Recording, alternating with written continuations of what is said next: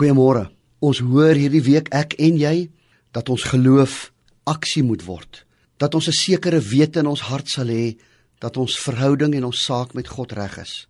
En gisteroggend het ons ons lewens oopgemaak sodat die gees van God opnuut ons lewens kan binnegaan. Maar soos wat ek met mense praat, kom ek net agter baie mense is nie noodwendig seker van hulle geloof nie. Hulle seker dat hulle hulle maand se paaiement betaal. Hulle seker dat hulle hulle telefoonrekening of hulle water en ligte betaal. Maar hulle is nie noodwendig seker van die ewige lewe nie.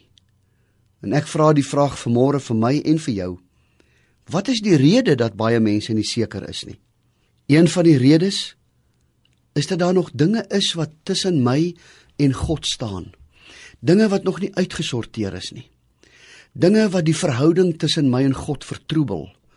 Dinge wat veroorsaak dat ek teen die plafon vasbyt. Want Jesaja sê dit baie duidelik in Jesaja 59 vers 1 en 2.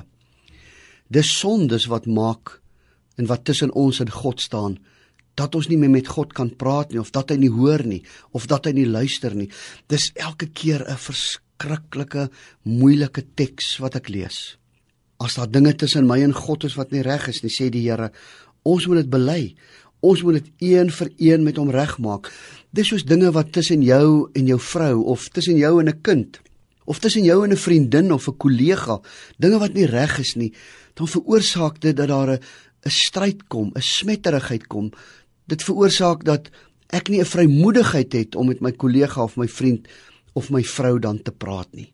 Sal jy nie saam met my vanmôre sê Here, Ek wil hierdie dinge uit die weg uitruim. Kom vat dit weg. Kom maak my nuut en kom maak my skoon dat ek seker kan wees my geloof word aksie. Ek bid saam met jou. Hemelse Here, ek bring dit wat tussen my en U is wat nie reg is nie, bring ek vanmôre na U toe. Ek bely dit, Here. Vergewe my. En dankie dat U kom met U bloed om dit weg te was. Dankie vir die kruis dat U vergewe het dat ek skoon voor U kan staan. Amen.